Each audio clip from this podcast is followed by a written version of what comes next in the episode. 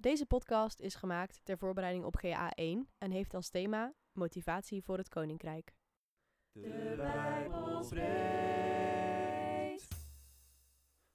Afgelopen jaar hebben we onder het bestuur Manu Armata het thema geestelijke strijd behandeld. Om een overgang te maken naar het huidige jaarthema gaan we het nu hebben over de link tussen geestelijke strijd en het Koninkrijk van God. Ik lees uit Prediker 9 vanaf vers 13. Ik heb onder de zon iets gezien dat voor wijsheid doorging. Het was verbijsterend. Er was een kleine stad met weinig inwoners. Een machtig koning trok tegen het stadje op, omsingelde het en bouwde grote belegeringswerken. Er woonde daar een man van lage afkomst, die wijs was en met zijn wijsheid de stad had kunnen redden. Maar niemand schonk aandacht aan die onbeduidende persoon. Ik zei daarom tegen mezelf: Wijsheid is beter dan macht, maar de wijsheid van een mens van lage afkomst wordt geminacht en zijn woorden vinden geen gehoor. In dit deprimerende gedeelte is een parallel te vinden aan de gebroken wereld waarin wij leven, maar ook aan onszelf als gebroken mens in de geestelijke strijd. De Satan trekt met alle mogelijke oorlogswerktuigen aan om ons te vernietigen. Ondertussen heerst er bij ons, net als in de stad, innerlijke verdeeldheid. De geest is gewillig, maar het vlees is zwak, zoals in Matthäus 26. De wijze man had de stad kunnen redden, maar naar hem werd niet geluisterd. Hier symboliseert de wijze man je relatie met God en zijn stem die tot jou spreekt. Een wijze in de Bijbel is namelijk iemand die veel kennis heeft van God en in verbinding staat met hem. Echte wijsheid is immers te vinden niet in wat de wereld ons zegt, maar wat Gods geest ons ingeeft. Zo staat in 1 Korinthe. De strijd kan soms zo zwaar zijn dat het voelt alsof je je wordt afgebroken. Maar door te luisteren naar de stem van God kan je volharden en overwinnen in de strijd. Toch is de strijd soms heel zwaar en voelt hij uitzichtloos. Zullen we altijd te maken blijven hebben met een zware strijd en lijden? Luisteren naar Gods stem is niet altijd zo gemakkelijk als het lijkt. Zo bleek ook uit de stad in Prediker die ten onder gaat. Gelukkig hoeven we de strijd niet alleen te strijden. Ik lees uit Lucas 10. De 72 keerden vol vreugde terug en zeiden: Heer, zelfs de demonen onderwerpen zich aan ons bij het horen van uw naam. Hij zei tegen hen: Ik heb Satan als een lichtflits uit de hemel zien vallen.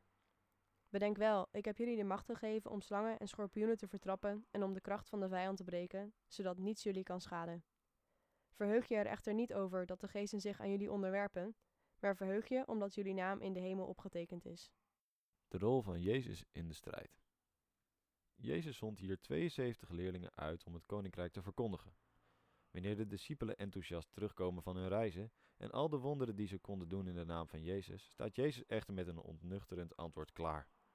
Hij herinnert hen eraan dat hun namen in de hemel staan geschreven als belangrijkste overwinning. Deze eer was belangrijker dan wat ze ook bereikt hadden. Als wij de wonderen van God in en door ons heen zien werken, moeten we het grootste wonder van alles niet uit het oog verliezen: ons hemelse staatsburgerschap. Uit vers 18 zijn een aantal dingen te halen. Jezus zegt enerzijds dat de Satan uit de hemel is gevallen. Anderzijds weten we dat Jezus pas aan het kruis zijn overwinning over Satan heeft. Ook waarschuwde Jezus zijn discipelen misschien tegen de trots. Of verwees hij naar Jesaja 14. U bent nu uit de hemel gevallen, morgenster, zoon van dageraad. Want u zei bij uzelf, ik zal de hemel bestormen en hoger dan de sterren heersen. Veel uitleggers herkennen in Morgenster de Satan en zeggen dat zijn trots leidde tot alle ellende die wij nu op aarde zien. Jezus waarschuwde de discipelen, die helemaal onder de indruk waren van hun macht over de boze geesten. Dit soort trots leidde tot de ondergang van Satan. Wees voorzichtig. Daarnaast valt te concluderen dat Satan nu is ondergeschikt aan de naam van Jezus. Daarmee is het gezag van God gevestigd hier op aarde. Zo mogen we ook ons hel vinden in Jezus, die het nu voor ons opneemt. De mensenzoon is gekomen om te zoeken en te redden wat verloren was, zoals in Lucas 19. Ik lees uit Romeinen 8. Ik ben ervan overtuigd dat het lijden van deze tijd in geen verhouding staat tot de luister die ons in de toekomst zal worden geopenbaard. De schepping ziet er rijkhalsend naar uit dat openbaar wordt wie Gods kinderen zijn. Want de schepping is ten prooi aan zinloosheid, niet uit eigen wil, maar door Hem die haar daaraan heeft onderworpen. Maar ze heeft hoop gekregen, omdat ook de schepping zelf zal worden bevrijd uit de slavernij van de vergankelijkheid en zal delen in de vrijheid en luister die Gods kinderen geschonken wordt. Wij weten dat de hele schepping nog altijd als in barensweeën zucht en lijdt. En dat niet alleen, ook wij zelf, die als voorschot de geest hebben ontvangen, ook wij zuchten in onszelf in afwachting van de openbaring dat we kinderen van God zijn, de verlossing van ons sterfelijk bestaan. In deze hoop zijn we gered. Als we echter nu al zouden zien waarop we hopen, zou het geen hoop meer zijn. Wie hoopt er nog op wat hij al kan zien? Maar als wij hopen op wat nog niet zichtbaar is, blijven we in afwachting daarvan volharden. Hoop vestigen in het koninkrijk. Paulus spreekt hier met overtuiging.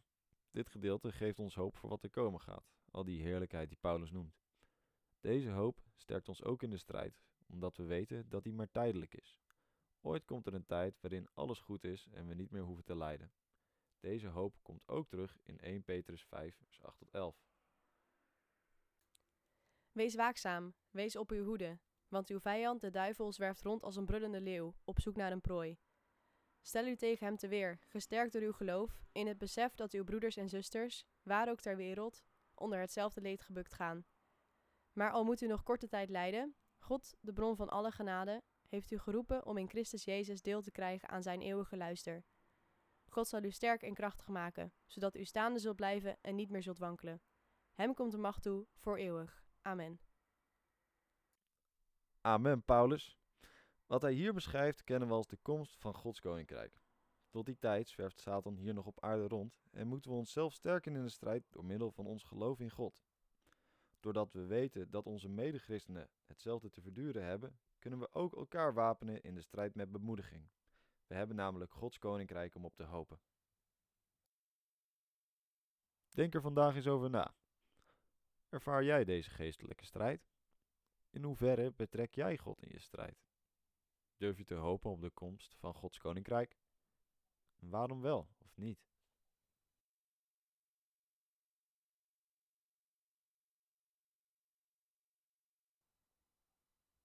Heer, we danken u voor de hoop die u ons geeft. We bidden u voor onze broeders en zusters en voor onszelf, dat we de verleidingen van Satan mogen weerstaan. Amen.